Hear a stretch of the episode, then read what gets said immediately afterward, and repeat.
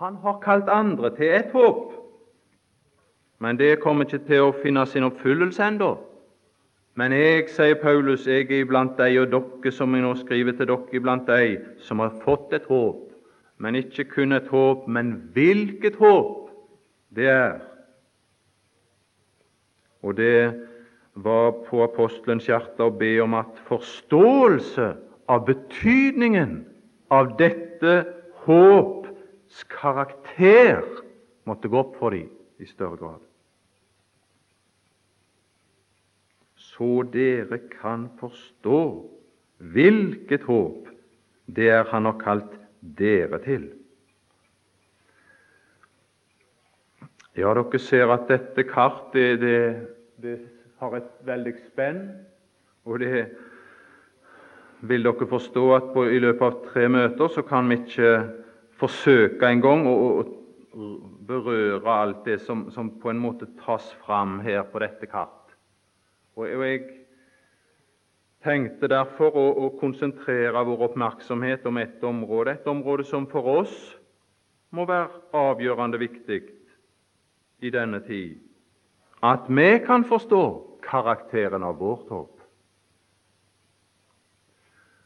Bakgrunnen for det kunne jo være dette at i dette år så, så synes jeg for min del at det har kommet for dagen en hel masse uklarhet om karakteren av vårt håp. Det er ikke så lenge siden krisen nede i Midtøsten fant sin avslutning, og, og, og når den var i sin fulle utvikling, så, så var det en masse tale om de siste tider, og om det som skjedde nede i Israel, og betydningen av å, å lese aviser og se der. Ja, det ble sagt, og ikke bare av en eller annen, men det ble sagt av mange, at Harmageddon-krigen er kommet. Og mange ble oppskaka, i alle fall. Jeg tror ikke det er et for sterkt uttrykk. Det så ut for at noen var blitt det òg i Tessalonika. Noen hadde øyensynlig brukt en trengsel, vanskeligheter av en spesiell karakter som var kommet inn, og eh, de hadde utnytta det på et vis til å forvirre de troende, til å drive de fra sans og samling, nær sagt ved å påstå at Herrens dag er kommet. Hvis du leser der i 2. Tessalonikerbrev kapittel 2 og vers 2, så vil du se at én ting, og kun én ting, kan bevare oss ifra å bli dreven ifra sans og samling eller å bli skremt ved hendelser i de ytre omstendigheter og det er å lese og legge merke til og forstå det apostelen har skrevet i sine brev. Etter at han i vers 1 har omtalt vedkommende vår Herre Jesu Kristi komme og vår samling til Ham. Det som på dette kart er, er, er vist her, den begivenhet som han har omtalt der i de vers som er eh, antyda, nemlig i sitt første brev. Vedkommende den sannhet, i lys av den sannhet, så er det en beskyttelse mot noe. Vi ber dere, brødre, vedkommende vår Herre Jesu Kristi komme og vår samling med ham, eller til ham, som det egentlig skulle vel ha stått, at i lys av det at dere ikke så snart må la dere drive fra vett og sans, eller la dere skremme, verken av det ene eller det andre. Men han antyder og gjør det ganske klart at det som kunne holde de stø og fast i dette, det var det han antyder i det 15. vers. Derfor, brødre, stå støtt og hold fast ved de lærdommer som dere har lært, enten ved vår tale eller ved brev fra oss. Der er vår beskyttelse mot i sånne vanskelige tider, når, når ting presses innpå oss på en spesiell måte, og noen skal uttyde Skriftens ord, og så tyder de det vrangt, og så er resultatet sinnsforvirring, skremsel og uro, og ikke at den sanne karakter av vårt håp vekkes, vedlikeholdes og styrkes i våre hjerter.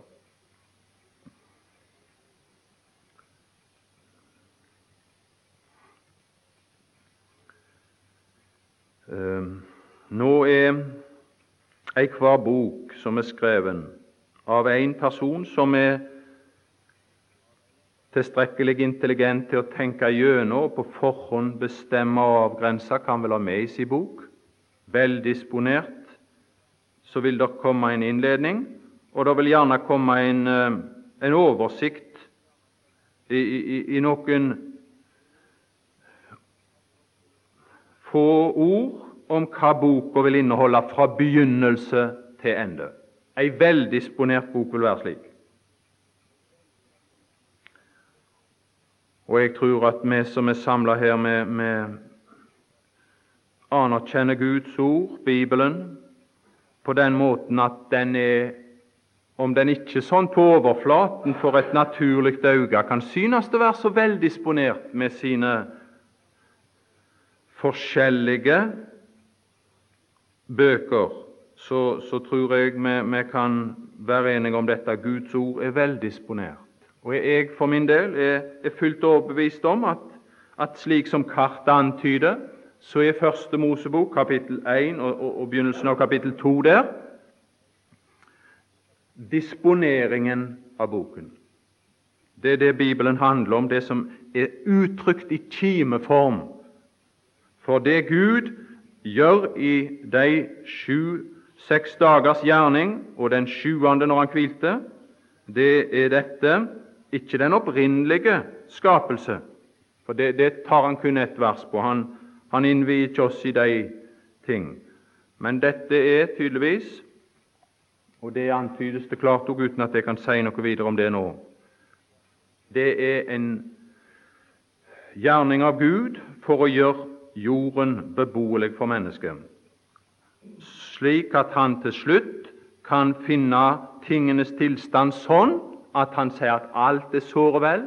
Nå, nå kan jeg hvile. Nå kan jeg gå inn i hvile. Nå kan jeg hvile, ikke fordi jeg er trøtt, men fordi alt er så ordna, tilfredsstillende etter mitt sinn og etter min tanke. Og det er det Gud gjør i sin gjerning i disse seks dager som han har gjort, eller som han er i ferd med å gjøre, disse forskjellige, store perioder i Guds handling til han en dag kommer til veis ende, og når alt er ordna på en grunn og på en måte som gjør at Gud kan i tilfredshet gå inn i en ny skapelse der ny jord og ny himmel danner utgangspunktet.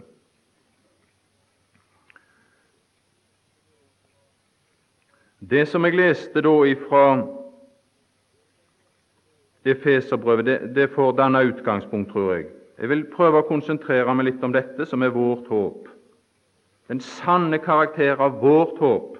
Og Jeg skal nevne bare to sider av det. Og det er to vidt forskjellige sider av vårt håp. Men jeg tror det viser noe av den, den karakter som vårt håp skulle ha. Og, og, og I kveld da så vil jeg forsøke å legge et grunnlag for det sånn at det kan sjåast med en viss grad av klarhet.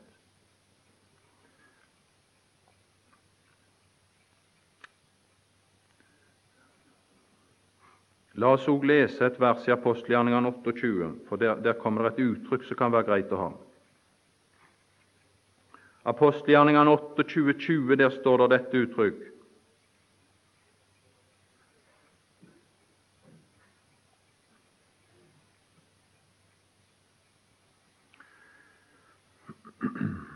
Av den årsak har jeg da bedt dere hit for å se dere og tale med dere, for det er for Israels håps skyld jeg bærer denne lenke. Israel hadde et håp. Israels håp. Og så den andre sak det hvilket håp dere er kalt med. Vi kan kanskje sette det som overskrift på det, det jeg prøver å, å si litt antydningsvis om i kveld. Disse sju dagene de har lærdommer på litt forskjellig nivå, om vi kunne så si det. Det gjelder den enkelte. Paulus sier når han skriver til korinterne, at Gud som bød at lys skulle skinne i mørket, han er òg den som har latt det skinne i våre hjerter. Og så rett etter så taler han om dersom noen er i Kristus, da er han en ny skapelse. Han taler om den enkelte og Gud gjerning ved sitt ord og ved sin ånd i den enkelte. Finner du en utvikling der i, i disse sju dager? Og det kunne sånn sett ha krav på vår interesse. Men det er tydelig òg at disse sju dager taler om de sju forskjellige, eller de seks forskjellige perioder i tiden der Gud handler, der Gud sier noe, og Gud bestemmer innholdet i hver av disse dagene. Der Gud setter en start på det hele, og der Gud tar avslutningen. Og De forskjellige periodene er klart avmerka i Bibelens historie.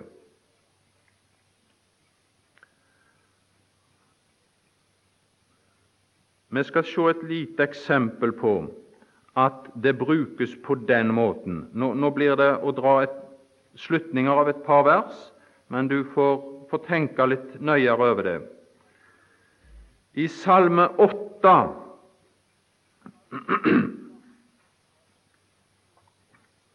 ifra det sjuende verset nedover, så refereres det åpent og klart til Guds gjerning på den sjette dag i skapelsesberetningen, der Gud gjorde mennesket, og der Gud gjorde de til herskere og la alt ellers under deres føtter. Det refereres det til i den åttende salmen. Hvis du nå leser i Hebreerbrevet, det andre kapittel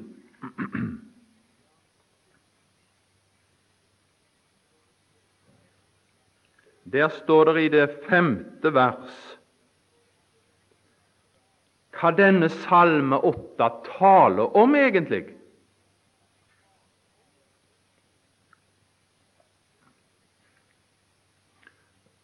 Hebreerbrevet kapittel 2,5. For det var ikke under engler han la den kommende verden. Og Jeg skal ikke mer gå inn på det uttrykk, men det er et uttrykk for den tilstand, den tilkommende verden. Det som her vises på kartet, nemlig tusenårsriket, hvis vi skal bruke et annet ord som Skriften òg bruker om den samme perioden. Det vil du se hvis du leser i kapittel 1 for eksempel, av Hebreabrevet, for der er det sitater, det ene etter det andre, som alle refererer seg til den periode når det skal legges under menneskesønnen, den Herre Jesus, den kommende verden. Du kan se det i kapittel 1 og vers 6. Men når han atter fører den førstefødte inn i verden Ja, det er den verden, den verden, når den Herre Jesus atter skal komme inn. Og engler og alt skal underlegge seg Han. For det var ikke under engler han la den kommende verden, som vi taler om. Det uttrykket liker jeg. Det er ikke alle som sier det. Det er noen som sier som det aldeles ikke er så nødvendig å tale om, for det, det er mye ren spekulasjon. Ikke så taler apostelen, og jeg tror det er apostelen Paulus som har skrevet dette brev, som vi taler om. Den kommende verden var et emne som apostelen vidde sin interesse til og talte om. Og så, ser du, så siterer han fra Salme 8. Salme 8 taler om den kommende verden. Salme 8 taler med tydelig og klar referanse om det som Gud gjorde på den sjette dag. Ergo, så langt jeg kan forstå, så må den sjette dags gjerning av Gud òg være et bilde på den store gjerning han skal gjøre i den kommende verden, i det som kalles tusenårsriket. Når han, mennesket, det nye mennesket, Kristus, skal regjere og ikke være alene med å regjere, men like som Adam hadde fått en Eva ved sin side til å herske fullt og helt i dette området, så sier Det nye testamentet at Kristus òg har fått medarvinger og skal ha en ved sin side. Og denne som han skal ha ved sin side den dag, tas ut i nåde i denne periode som jeg og du lever.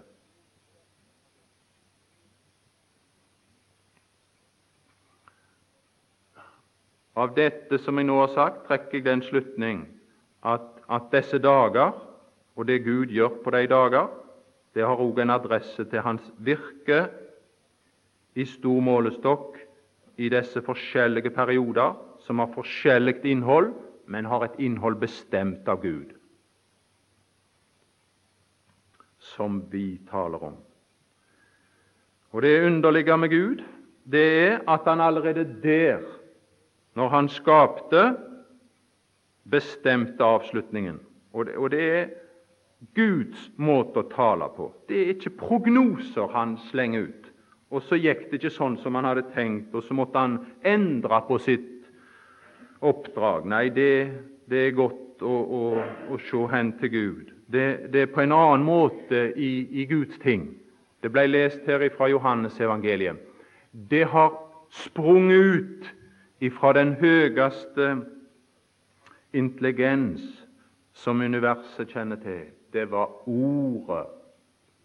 Det var det intelligente uttrykk ifra den øverste intelligens i universet som bestemte karakteren på tingene. Alt er skapt ved ham, ved ham som ordet som skulle uttrykke det Gud hadde på hjertet. Et vers fra Esaias 46, det tiende vers der. Der, der har du karakteren av den taler som er så tydelig på overflaten i skapelsesberetningen. Jeg, sier det om Gud der, som fra begynnelsen forkynner enden.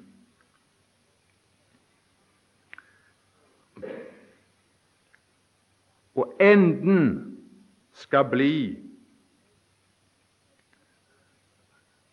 som vi ser litt lenger ned i verset, enden skal bli i fullt samsvar med Hans råd. Se, der nede, når, når han har sagt det, og fra fordums tid det som ikke har skjedd Jeg som sier mitt råd, skal bli fullbyrdet. Det er en slik Gud som taler til oss. Enden var bestemt i det råd før begynnelsen til disse ting fant sted og derfor er enden sikra i samsvar med Hans råd. Og Derfor så sier slutten av verset og alt det jeg vil, det gjør jeg. Eller egentlig og alt det som er til behag for meg, gjør jeg. Og når han har ført det til sitt behag, da kan han gå inn i sin hvile. Da er alt sånn som i skapelsesberetningen, og Gud så at alt var såre vel. Og da kunne han gå inn og finne et evig velbehag i de tingenes tilstand som var uttrykk for hans råd. Mitt råd skal bli fullbyrdet. Vi skal finne, når jeg Da, i morgen kveld, leser videre, skal vi finne et eksempel på som viser uh, dette der i Isaias Esaias 46, 10. Men jeg vil lese et vers fra andre Peters brev, for der finner jeg et, et grunnleggende prinsipp til forståelse av det profetiske ord.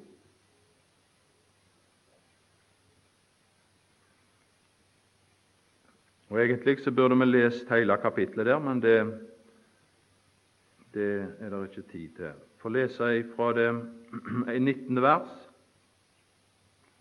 Og dess fastere har vi det profetiske ord. Grunnen til at det er fastere, mer urokkelig for oss, er fordi det er stadfesta ved den Herre Jesu Kristi nærvær. Og det refereres til Forklarelsens berg ovenfor. Derved er det fastere for oss. Det er stadfesta ved Han. Og så ser du i det 20. vers, i det dere først og fremst vet dette, at intet profetord i Skriften er gitt til egen tydning. Og det, det tror jeg er en viktig tanke å ha klart for seg. Her er det nemlig snakk om ikke at disse profeter som det er tale om, opptrer som uavhengige, i en viss forstand selvstendige profeter.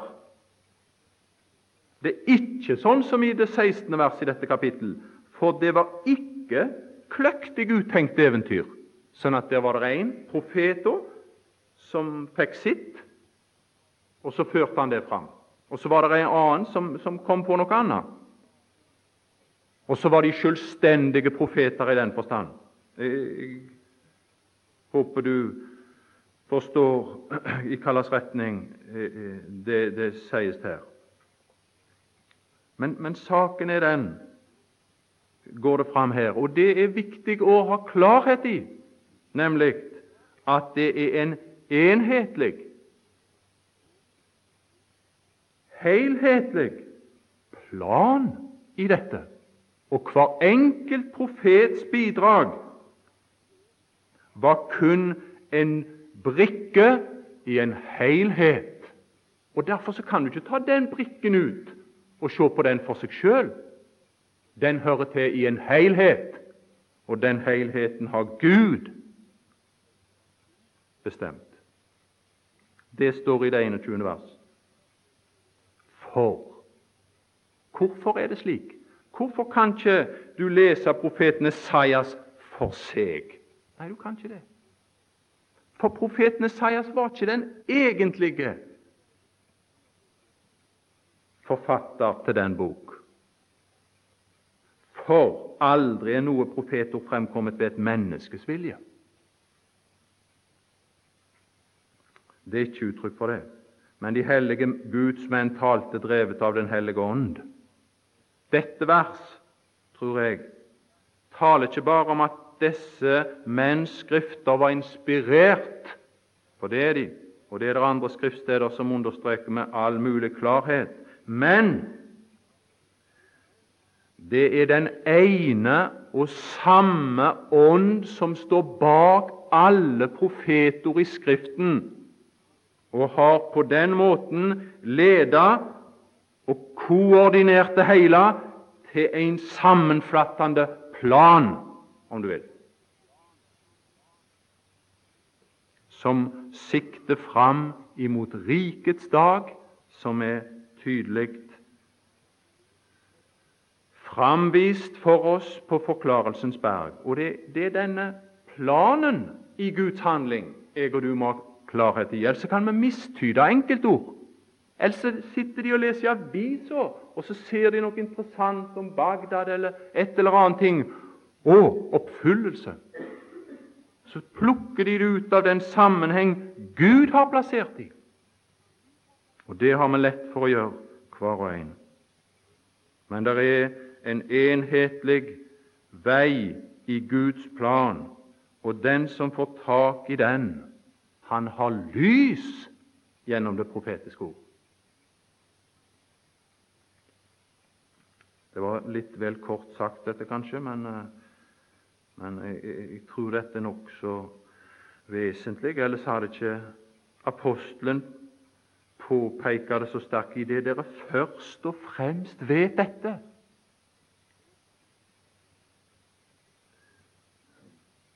Det, det er viktig å vite dette. Ellers vil vi kunne ta et skriftsted der og et annet skriftsted der, og så mistyder vi det. Og så har det ikke den opplysende, veiledende virkning for oss som det skulle ha. Det, det får bare ligge hen, det. Det er et annet skriftsted jeg må få henvise til, og det er apostelgjerningene, det 15. kapittel. For der er det tydelig at Peter i likhet med andre av disse Herrens tjenere på den tid, de hadde forståelse for Guds planmessige handling i samsvar med det profetiske ord.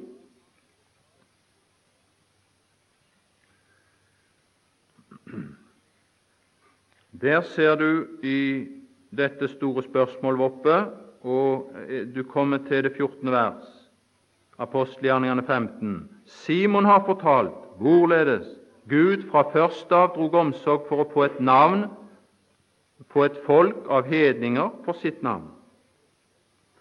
Det kan du i korthet si er Guds program og Guds plan for denne tid, denne periode.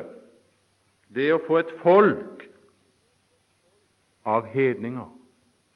Gud hadde inntil den dag handla med jødefolket.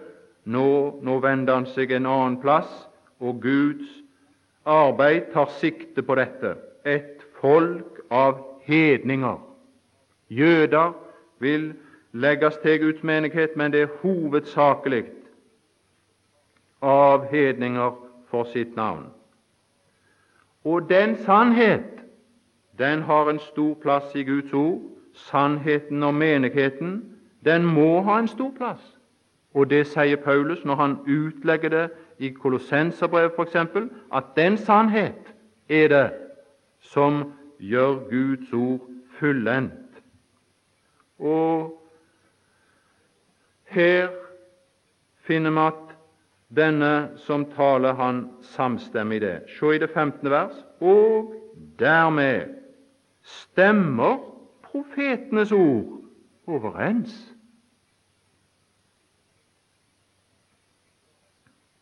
Ikke bare at Gud handla, og at det Gud gjorde, det kunne disse se, men de så i Skriften at det Gud gjorde, det var i samsvar, fullt samsvar, med det han hadde sagt. Her, her er det overensstemmelse, altså. Dermed, når, når Gud gjør denne gjerning i dag, dermed denne sannhet må ha sin plass. Stemmer profetenes ord overens?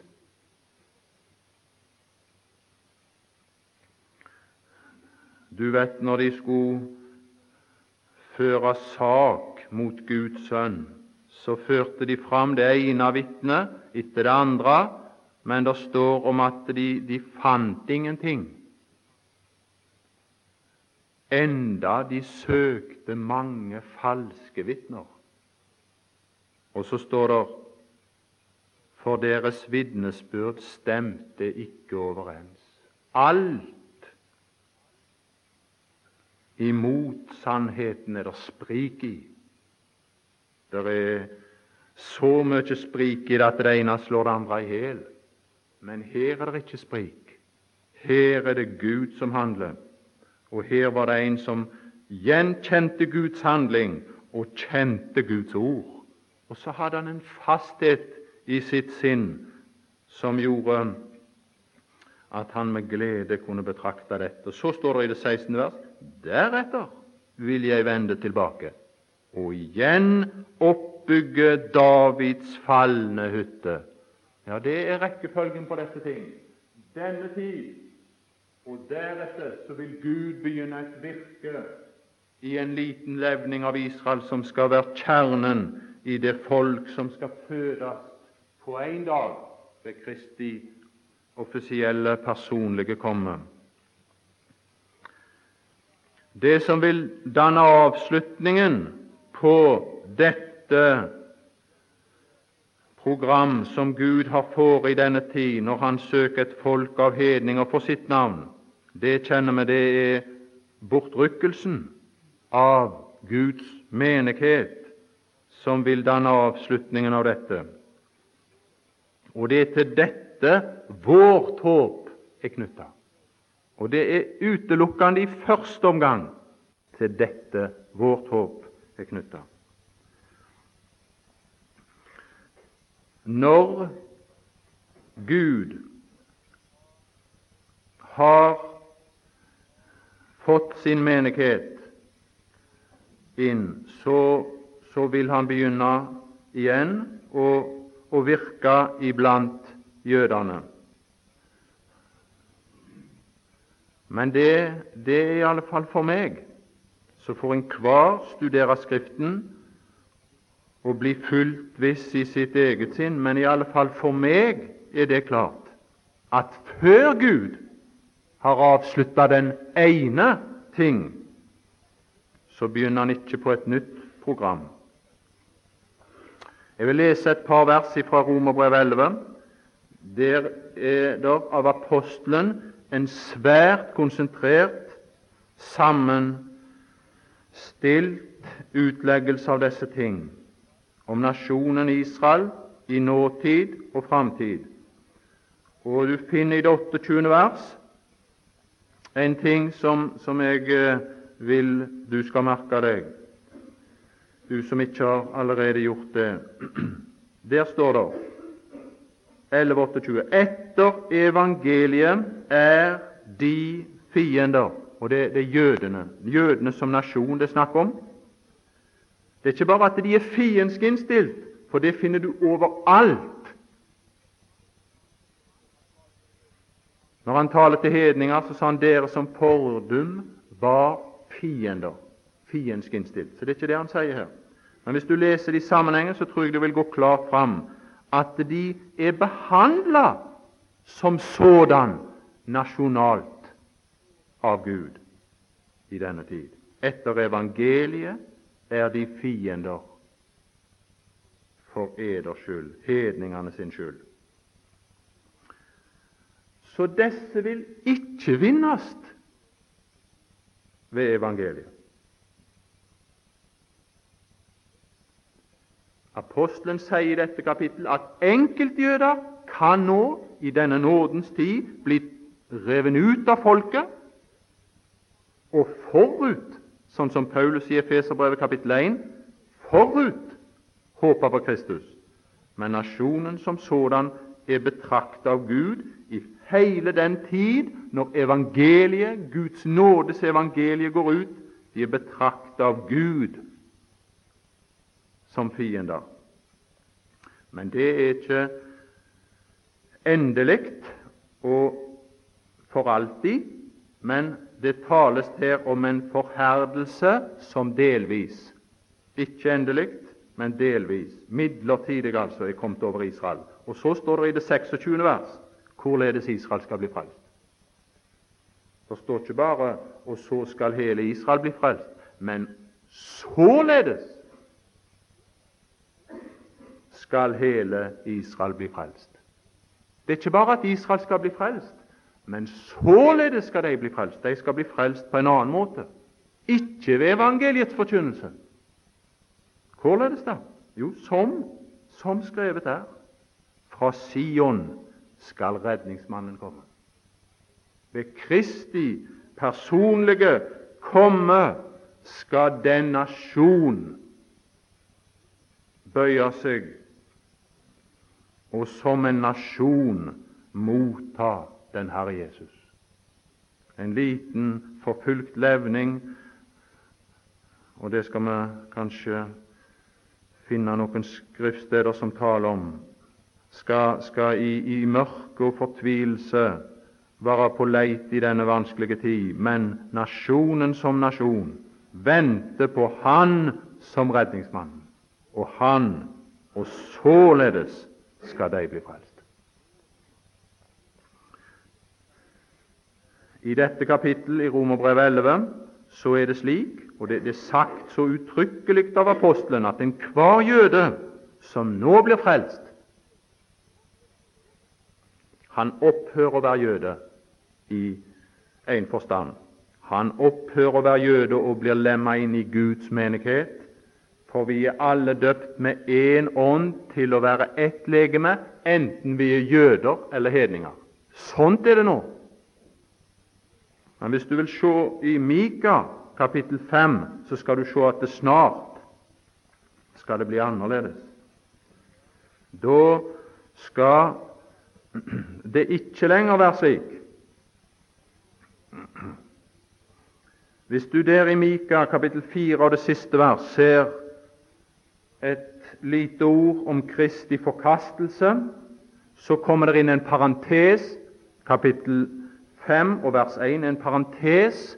Han dere har slått på kinnet, Israels dommer, han som dere har forkasta, er ingen hvilket som helst. Vær oppmerksom på det. Og derfor står det i vers 2 Derfor, når dere har behandlet han slik, derfor skal han overgi dem. Dere har overgitt han. Her er nasjonens dom på grunn av forkastelsen av Kristus.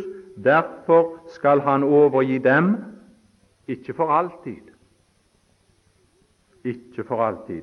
Inntil inntil den tid da hun skal føde som skal føde, har født.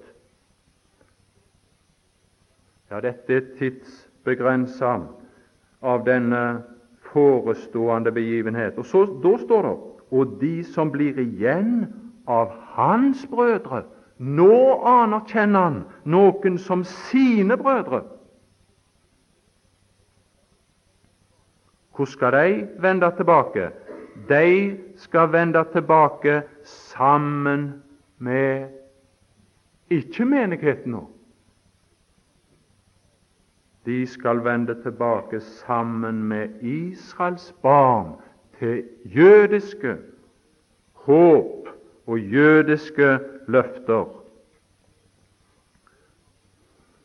Og det er en annen ting. Det er en fullstendig annen ting enn det som jeg og du har å håpe på, og som enhver frelst jøde i denne tid har å holde seg til. Saken er nemlig den, og, og, og vi kan kanskje se litt på Matteus 24 for å igjen se disse som skal vende tilbake sammen med Israels barn og knytte seg til nasjonen i den kommende tid.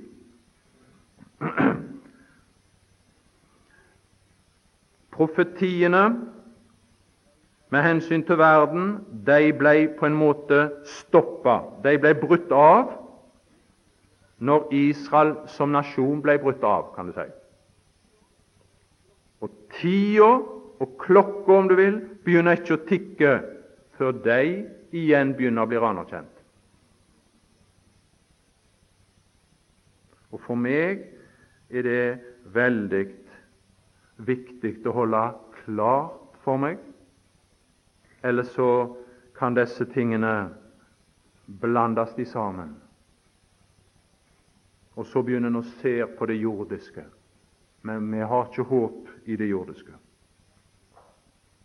Det er ganske klart og greit vist her den røde streken der, de 70 Daniels veker.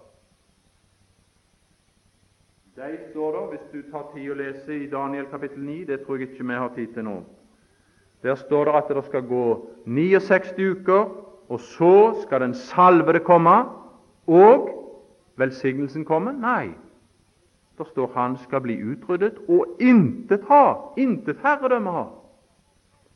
Ja, men etter den tid, da? Ja, Når kommer den 70. uka, da? Her har vi den siste Daniels uker vist på kartet. Når skal den komme? Kommer ikke den direkte etter? Alle de andre 69 har jo fulgt på hverandre. Nei, da kommer det en på mange vis, for deg i Det gamle testamentets tid må det ha virka underlig, en mysteriøs tid, når tiden for jødene ikke regnes lenger.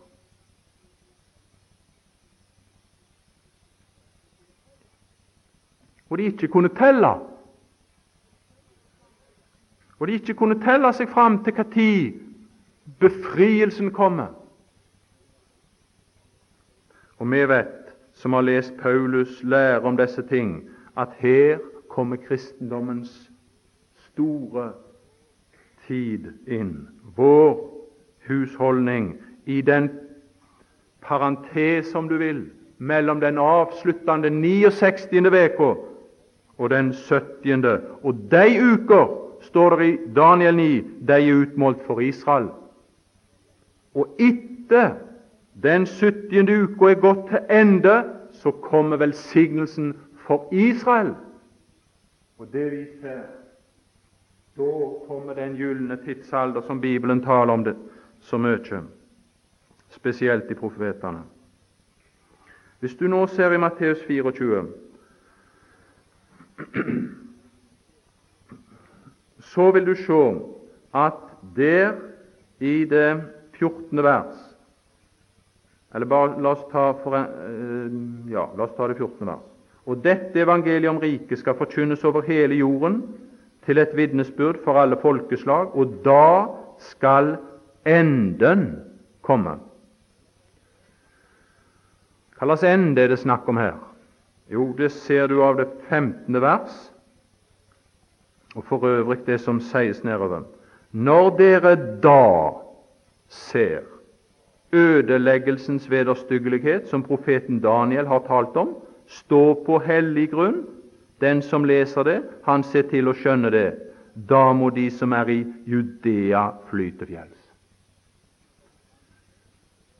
Den referanse som her den Herre Jesus gjør, er nettopp til profeten Daniel, det niende kapittel, til det som sies i det 27. vers, der det i midten av den siste, den 70. uka, skulle skje noe gruoppvekkende i Israel.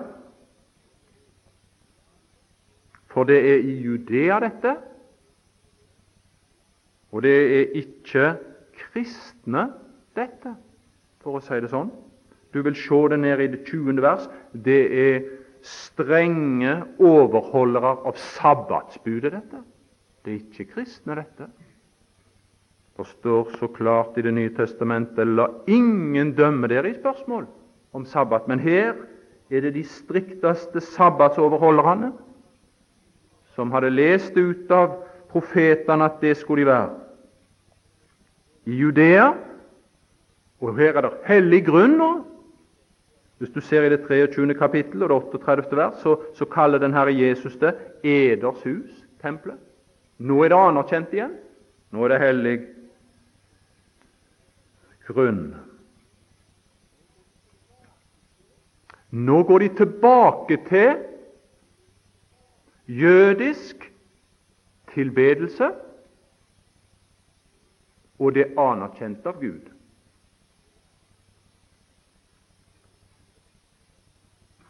Hvordan kan dette stemme med det som jeg har lært av den Herre Jesu egen munn, der han sier at nå, i denne periode, den tid som kommer, og som nå er, sa den Herre Jesus, så er det verken på Garisim eller i Jerusalem. Mens her er Jerusalem og tilbedelsen i Jerusalem anerkjent. Her er streng sabbatsoverholdelse anerkjent.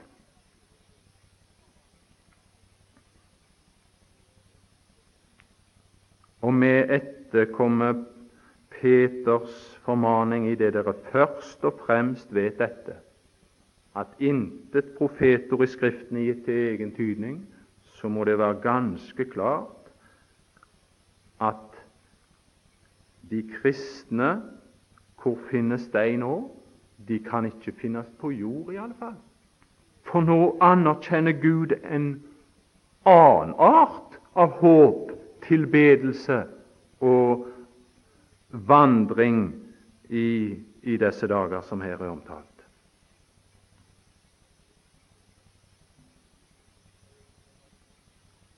Hebreerbrevet hadde sagt 'gå ut ifra det system'.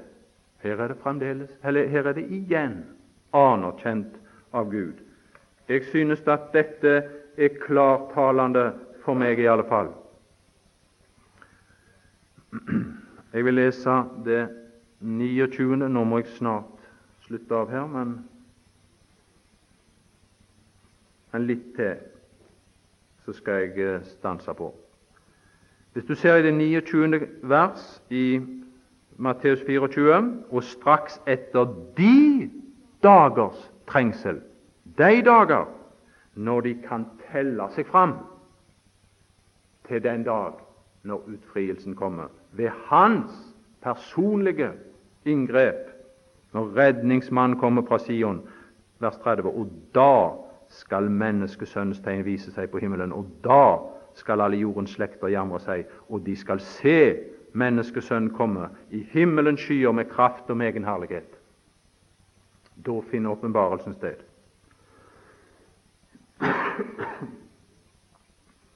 Før den tid en grusom, fryktelig trengsel, men jøder igjen anerkjent med jødiske håp, som de vender tilbake til.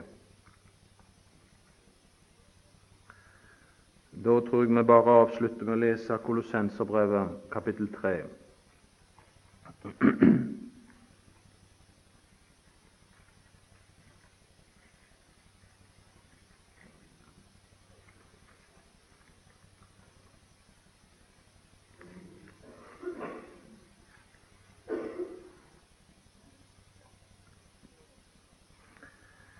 Der står det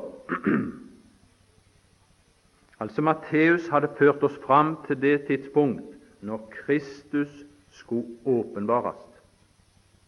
I de vanskelige tider så kom det budskap her fra der fra falske Messiaser. Messias er her, gå ut i ørkenen, Messias er der.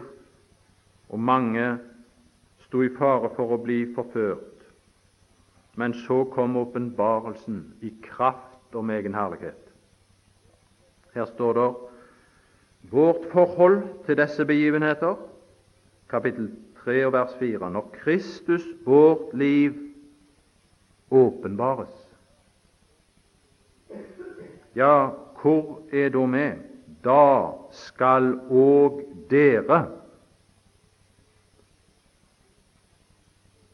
Vi skal ikke da, sånn som det står i Matteus 24, stå der og skue opp og få Han åpenbart for oss når Han kommer i makt og herlighet. Men det står om oss, og dere åpenbares med ham i herlighet. Og da synes jeg det må være klart dette at han har allerede hentet oss bort til seg når han har kommet for å hente oss, og så er vi i stand på den dag til å kunne være med han når han kommer i sin åpenbarelse.